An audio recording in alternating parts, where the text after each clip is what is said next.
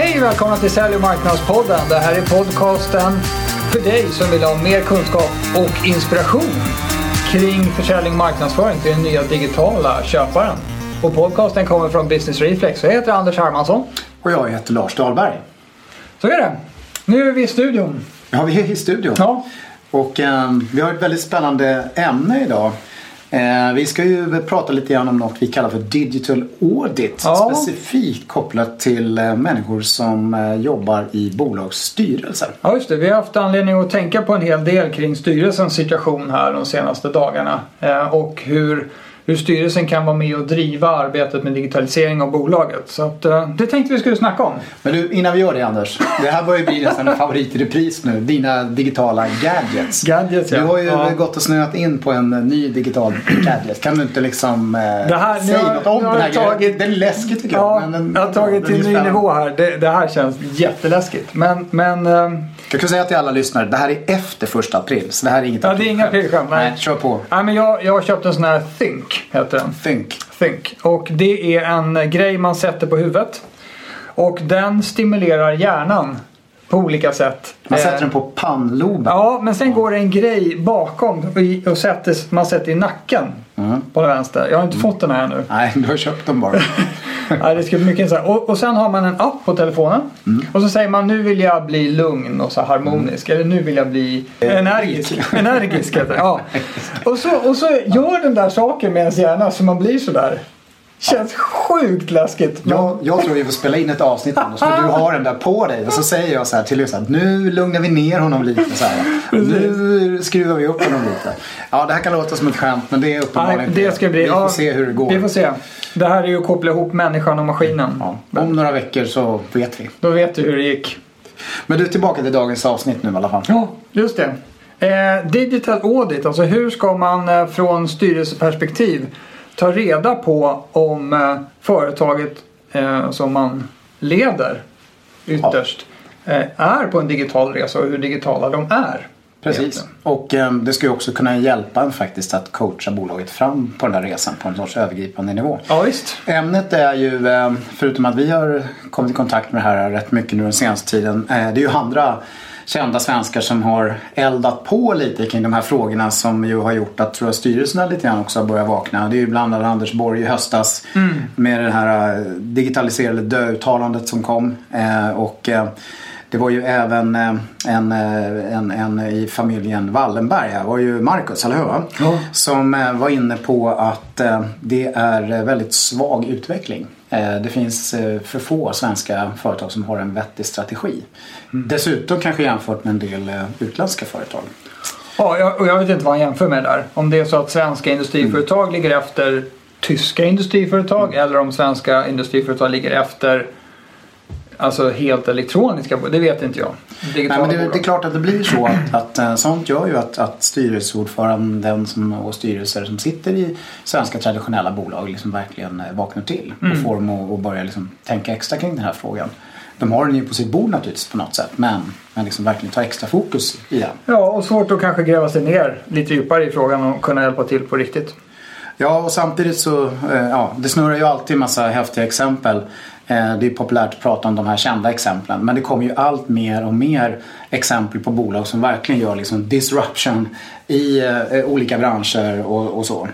Eh, Och även i våran bransch. Ja, visst. Absolut. Alltså, digital, där leveransen är digital, där går ju naturligtvis eh, förändringen fortast. Eh, det, finns ju, det finns ju en sån sajt i Sverige som man kan ta Avtal 24. Där man kan eh, köpa alla typer av avtal för någon tusing istället för att anlita en dyr advokat. Eh, Eller så, så finns det ju eh, ja, internationellt sett en sajt som heter Upwork. Där de själva säger i alla fall att det finns 10 miljoner frilansare på den sajten som erbjuder sina tjänster.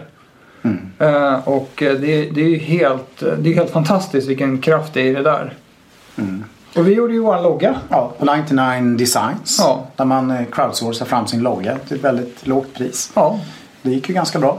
Kan ja, det, man ja, den. Men ja, den, ja men det, den, är, den är väl trevlig. Den är crowdsourcad i alla fall. Ja, nej, men jag tror att det är många som sitter i styrelser i olika bolag i olika branscher som börjar märka det här att det händer saker i många traditionella branscher nu där det blir vänder upp och ner på saker och ting totalt kopplat till den här digitala utvecklingen. Mm. och det börjar verkligen påverka alla i alla branscher och då, då blir det väldigt mycket en eh, högre prioritet för styrelser. Ja, och man behöver ju inte se det här som att man ska vända upp och ner på hela sitt bolag för det är ju väldigt svårt om man har investerat i massa struktur i ett bolag och bara låta det bli så digitalt på en gång. Det är väl inte riktigt där vi ser att man kan hämta hem saker utan man får ju, man får ju börja i någon ände liksom.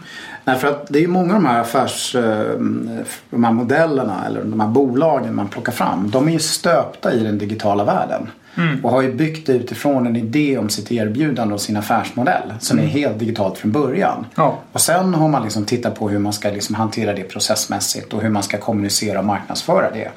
Men där, där befinner sig inte de traditionella normala företagen. de normala, nej, de traditionella bolagen. Nej precis, stora flertalet är inte där och då kan man ju tänka lite grann från andra hållet att man börjar titta på kommunikationen. Hur kan vi, hur kan vi både utnyttja digitala kanaler eh, men också hur kan vi jobba på ett nytt sätt, på ett helt nytt kundorienterat sätt i kommunikationen. Och sen tittar man vidare på processer eh, och det, är ju, det har vi gjort i många år naturligtvis. Mm. Eh, hållit på och eh, infört ERP-system och annat. Mm. Elände, höll jag säga. Eh, men men det, finns ju, det finns ju nya möjligheter med ja, mer tänkande datorer och sånt där som gör att man kan eh, hitta nya sätt att automatisera processer. Och sen, sen i botten så ligger affärsmodellen då. Ja, och det har vi pratat om i, i andra avsnitt av Sälj och marknadspodden. Att det, det, kan vara väldigt mycket så att eh, i ett mer traditionellt bolag att det är viktigt att börja tänka utifrån marknadsföringsaspekten när man mm. kommer in i hela den digitala resan. Att det är kanske där man verkligen ska börja sin digitaliseringsresa. Mm. Utifrån hur man kommunicerar, hur man jobbar med marknadsföring och sen påverkar det liksom andra delar. Ja. Hur man jobbar med processer och utvecklar dem och, och till slut hur man faktiskt också påverkar hur man utvecklar sitt erbjudande. Ja. Eh, och eh, det är ju eh, kanske inte så alla tänker. Att det är marknaden som ska leda in bolaget på den här digitala resan. Men det är, tycker jag för mig är ganska naturligt eftersom det är där hela kundinteraktionen börjar. Den första touchen är ju där. Jag tror det är många som tycker att marknadsavdelningen ska bli helt digital. Det tror jag. Mm. För att vi ska vara på Facebook och vi ska skicka ja, mm. små fina tweets och sånt. Men just att, att processen mer fundamentalt drivs från marknadssidan mm.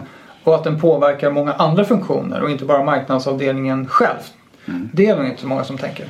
Nej, och det tror jag också är ett väldigt bra eh, tips till eh, alla som sitter i styrelser. Kanske att, att det är så man, man ska tänka för att leda in det här bolaget på den här resan. Att, att börja liksom i marknadsföringsänden och att det sen får påverka liksom sälj som i sin tur sen påverkar liksom innovation, affärsmodell och erbjudande. Mm. Ja. ja eh, nu då, över till den här auditen. Ja, just det. Digital audit. Eh, det är ju eh, någonting vi funderade över. Kan man göra en sån? Kan man på, på något sätt se hur, hur digitalt bolaget är ur, ur olika aspekter för att få något grepp om läget helt enkelt. Mm. Och vi gjorde en liten sån här mognadstrappa där. Som vi, vi kan lägga ut den, den är, den är lite jobbig att hålla i huvudet men vi lägger ut den i noteringarna. Så ja det kan vi göra, precis. Stadier i någon sorts mognadstrappa. Ja. Ja vi börjar längst ner med den här ja, analoga. Eh, det vill säga att man, man i princip bara gör saker och ting på det här traditionella sättet. Framförallt när man jobbar med marknadsföring. Man jobbar väldigt lite digitalt eller nästan digitalt alls. Nej, man har en katalog, man mm. åker på mässan, mm. man eh, ja, skickar ja, brev traditionella säljare som, ja. som, ringer och gör besök. Och, ja. ja, kör på. Det finns ju företag som fortfarande befinner sig i den världen även fast de börjar bli färre och färre. Mm. Eh, utan nästa steg är ju där många är, eller delvis har varit. Där man börjar liksom testa lite mer av den här digitala tekniken. Man bara skaffa sig en viss närvaro. Eh, man jobbar lite mer med sin eh, webbsida. Men man har inte liksom dedikerade resurser till att driva det här egentligen. Utan man, Nej, de man projekten är lite vid sidan om. Ja. Mm, ja. Sådär. Man, man inser att man kanske behöver ha någon form av närvaro som man man gör något bara. Ja, men, eh, men, det är ganska ostrukturerat och man lägger inte så mycket kraft och energi på det. Det är mest bara för att det ska ja, verka som att man har gjort något. Ja. Kan jag tycka. Ja. Och där finns det många företag som befinner sig. Sen är det den, den här nästa nivån då. Då har man ju mer börjat tänka utifrån processen när man jobbar med det digitala. Mm. Och börja få mera liksom, struktur på hur man driver det där. Och många har ju då kanske börjat köpa system mm. för att försöka använda olika typer av system, eh, marketing automation system, mer avancerade CRM-system och så för att ja, eh, kunna göra det här. Ja, och man följer upp i Google Analytics och det är, ja, det är liksom, man, någon har fått lite så här jobbet att du gör, ja. det här, en del av ditt ansvar är nu att ja, göra det här precis. digitalt. Man har några som pysslar med det på ja. deltid och jobbar med en sorts digital marknadsföring.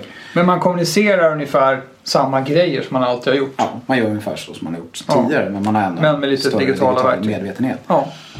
Men sen kommer lite den här ja, tipping pointen. Ja, exakt. Enligt oss i alla fall. Ja, det tycker jag nog man kan säga. Då, då är det ju mer om man då har börjat kommunicera på ett nytt sätt men med gammalt innehåll om man säger så. Så är det nästa steg i den här mognads, mognadsresan det är ju att man får ett starkt köparfokus. Att man börjar eh, kommunicera relevant information till köparna med utgångspunkt från dem snarare än utgångspunkt från sig själv. Precis. Så man, har, man gör någon form av, eh, av digitalt content och man försöker liksom tänka. Men eh, det räcker oftast inte så långt utan de som har kommit ännu längre sen det är de som börjar se det här som en, en hel köpresa. Ja. Och verkligen börjar sätta sig in och förstå hur den här komplexa så säga, köpresan som det många gånger är frågan om egentligen ser ut, vilka som är inblandade i den, hur det där går till och hur man så att säga, aktivt ska kunna stötta den liksom, mm. processen mm. ja. utifrån vårt perspektiv så att vi kan hjälpa köparen framåt i olika liksom, faser och steg eh, och sådär. Ja. Och sen har man också börjat införa ett nytt tänk lite i hur man jobbar.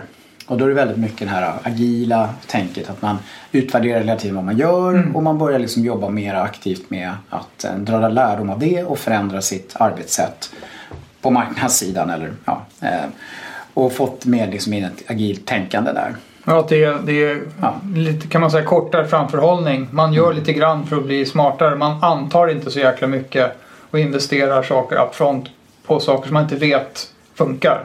Utan man testar och gör. Ja. ja. Och, och den, den grejen lär man sig oftast när man har hållit på med det här digitala ett tag. Att det är så man måste jobba för att få det här till att bli bättre marknadsföring och att få det till att bli effektivare marknadsföring. Ja just det, för, för det, själva grund, för att det ska funka överhuvudtaget så måste man ju få snabb feedback på vad man håller på med. Mm. För att mm. testerna måste gå fort och, och det kan man göra först när man mm. har gått över till digital kommunikation. Annars tar det för lång tid. Och sen har vi den sjätte nivån. Mm.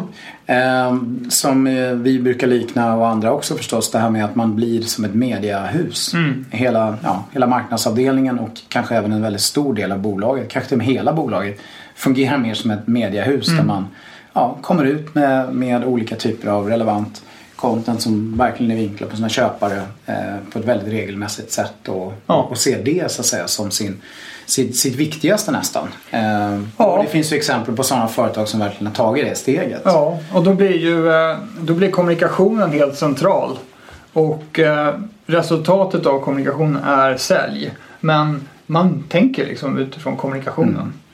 Och det här är en trend man börjar se mer och mer. Att man verkligen försöker bygga upp ett internt mediehus. Eller att man, eller att man har eh, kanske till och med börjat köpa ett mediehus. Här har du ett exempel på det Anders. Är inte som har köpt mediehus men, men eh, en, en kompis till mig han eh, jobbar på Stutterheim. Som gör sådana här regnrockar. Fint svenskt företag.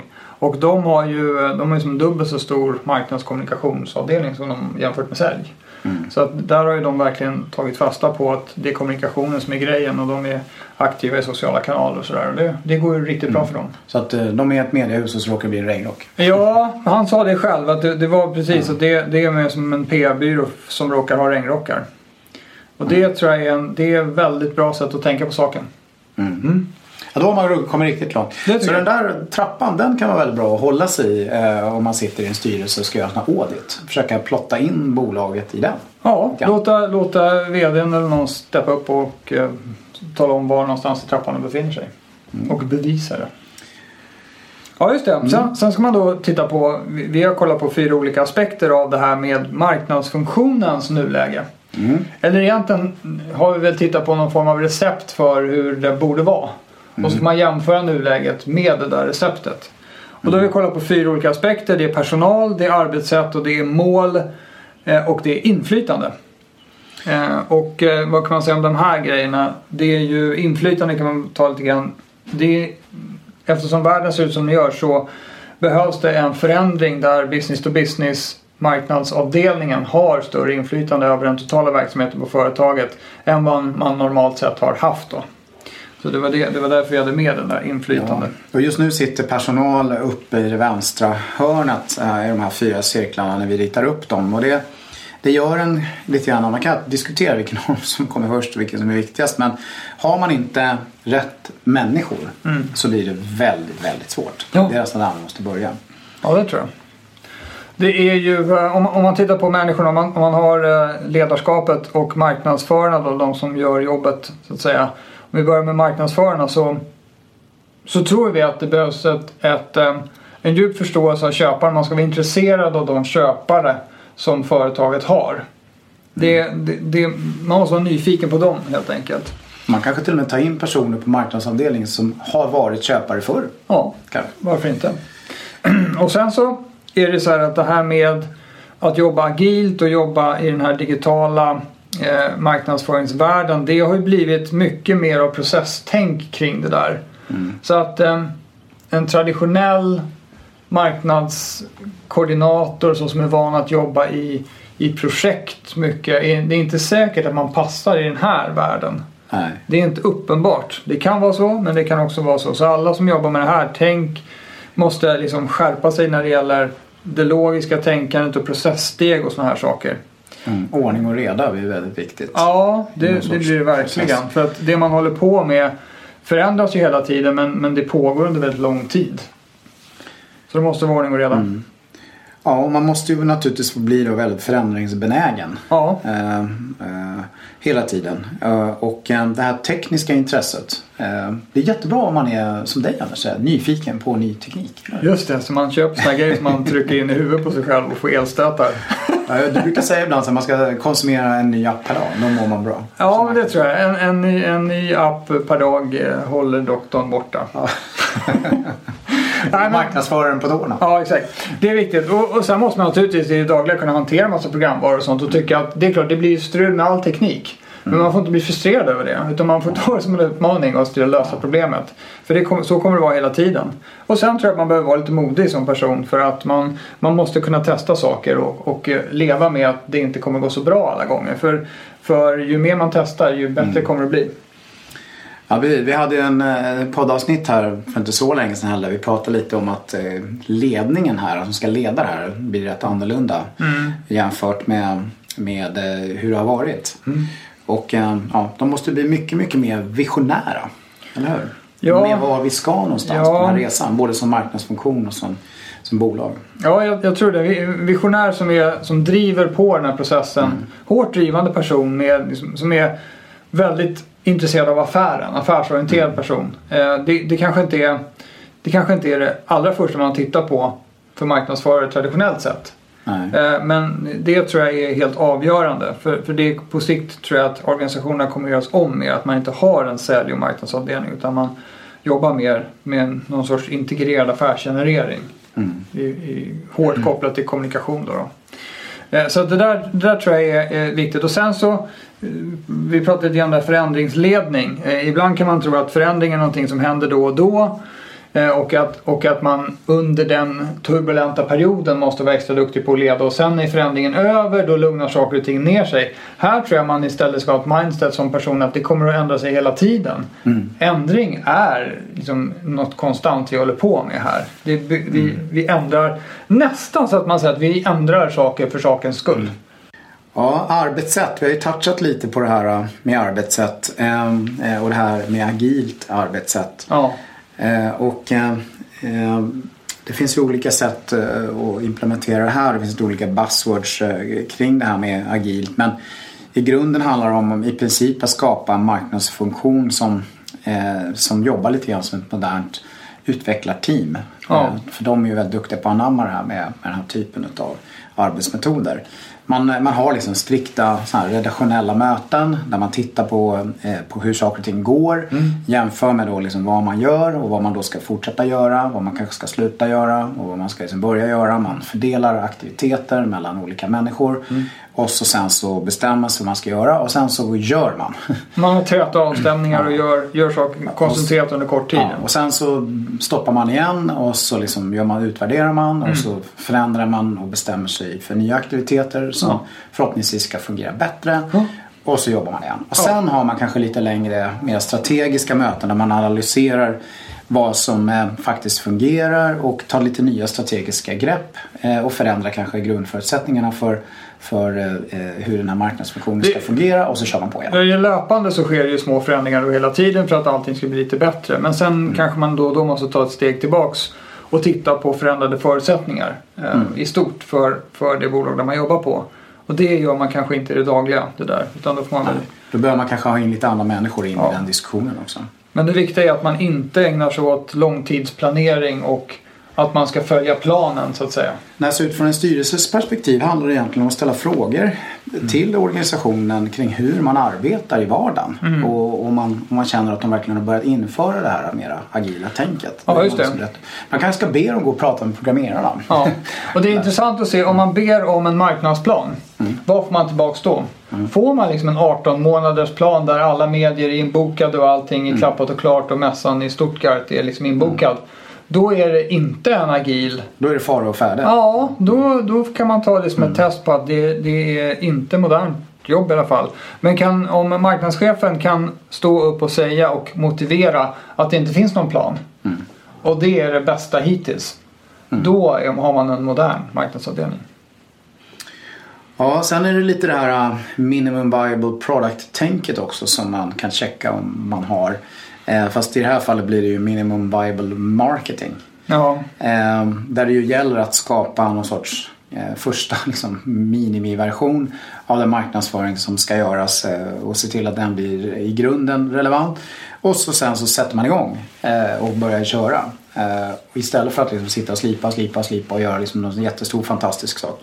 Eh, det gäller att våga, våga göra fel fort. ja just det. För man vet inte riktigt vad som resonerar och inte resonerar. Nej, och det, det, och det är också en grej att man ska inte avkräva folk sanningen innan de faktiskt har testat. För det, det, man vet inte om det stämmer eller inte. Om folk får hitta på ett svar. Själv blir man väldigt förvånad ofta när man ser det här i olika branscher att eh, ja, vissa grejer man inte trodde skulle funka funkar jättebra tvärtom. Ja, exakt. Och sen är det själva, om man, om man säger metoden att jobba i korta cykler och sådär, det är en sak. Men sen har man själva inställningen då för att få till rätt, det, det pratar vi om att personerna måste, som är inblandade i det här måste ha starkt köparfokus. Så det handlar ju om att tänka utifrån och in som jag har sagt så många gånger förut. Att man, man, inte, man har liksom inte ett säljfokus i sin kommunikation utan man har en hjälpande, det finns en hjälpande kultur, tradition i, i det gänget som kommunicerar. Mm, precis, och det, det är det styrelsen ska liksom leta efter Ja. när de, när de eh, pratar och ställer krav på organisationen. Exakt. Att man tänker så. Ja. Och Det kan man göra ett enkelt test. Ett bra test ja. ja. Ja, man kan bara gå in på sin egen webb, eller hur? Ja, och går man in på egna webben och så kollar man där om den här webben nu hjälper köparna på någon form av köpresa eller om webben bara pratar på om det man erbjuder. Om sig själv och här är vi och så. Då, då, eh, om den gör det, då har man lite jobb framför sig. Ja, sen det här med mål då. Man måste mäta de här organisationerna. Definitivt så. Ja, och, eh, man måste veta lite grann vad man bör mäta dem på som eh, styrelseansvarig. Ehm, och då är det ju affärsgenerering som man ska mäta marknadsorganisationen. Ja, jag tror det. Det blir, eh, det blir viktigt att, att ha ett, ett eh, affärsfokus för marknad och möjligen är det så att man behöver organisera om. Att man inte har den traditionella marknadsavdelningen som, som bara gör den, den här marknadsföringen, kommunikationen och sen släpper det till någon annan. Utan det finns ett tydligt resultatansvar för en enhet. eh, Som, är mer, ja, som kan stödja hela köpresan verkligen. Eh, Men, men man måste få till det där och det övergripande målet det är affärsgenerering. Nyförsäljning och merförsäljning. Ja, och sen måste man börja mäta kopplat till resursutnyttjande. Eh, dels kopplat till personal som man har eh, i form av resurser, hur man utnyttjar dem. Och det är många tror jag lär sig när man börjar jobba mer agilt, är att man kan få ut mycket, mycket mera eh, effekt eh, än om man jobbar på ett traditionellt, mera så kallat vattenfallstänk, Ja, just det. projekttänk. Personalen blir lite sina egna tidsstudiemän. Och marknadsföringskostnader, att man eh, blir effektivare med de marknadsinvesteringar och marknadsföringskostnader man har. Och det blir ofta så att har man liksom provat sig fram och man börjar liksom förstå vad som blir ens hemliga soppa liksom, så, så när man ve- om man vet det, eh, då kan man börja hälla på mycket mer pengar. Och det är ju någonting som en styrelse kan fråga efter. Vet vi vad som är effektivt Ja. digital marknadsföring för oss eller inte? Just Var det. har vi en ROI? Och att det är en, det, det, det är som en, det är en kontinuerlig investering. Mm. Som, Ja, säger de ja på det, ja, check, bra, då vet Mm. man det. Men är de svävande där, då, då gäller det att jobba vidare. ja, och det är mindre av eh, att man får en budget per år Mm. som man gör av med eller inte gör av med. Eh, mer av att man motiverar vidare investering i olika spår beroende på att man har Mm. testat och faktiskt har fakta på hand att det funkar eller inte funkar. Ja, och då kan man undra så här, vad händer med, med varumärket eh, nu när marknaden börjar ska hålla på och generera Mm. affärer och sådär? För många brukar ju säga att man ska mäta det också. Varumärkeskännedom. Ja, precis. Marknad ska mätas. Ja, eh, jag vet inte om man, om man behöver göra det. Kanske man, ja, alltså jag, Kanske man behöver. Det här är väl en jäkligt djup diskussion men, men jag tänker så man, man ska ju säkert man ska ju på något sätt mäta eller ha koll på vad som händer där ute bland köparna skulle jag säga. Ehm, och sen så behöver man ju naturligtvis ett varumärke för att få göra affärer i slutändan. Ehm, men jag tror att om, om jag skulle välja mellan att hålla på och navelskåda hur mycket mitt eget varumärke är värt eller lägga resurser på att förstå köparna så skulle jag ju välja det senare. Att, att investera i att förstå köparna. Eh, och sen så jobba med att hjälpa dem. Och så skulle jag säga att då kommer varumärket som en effekt av det.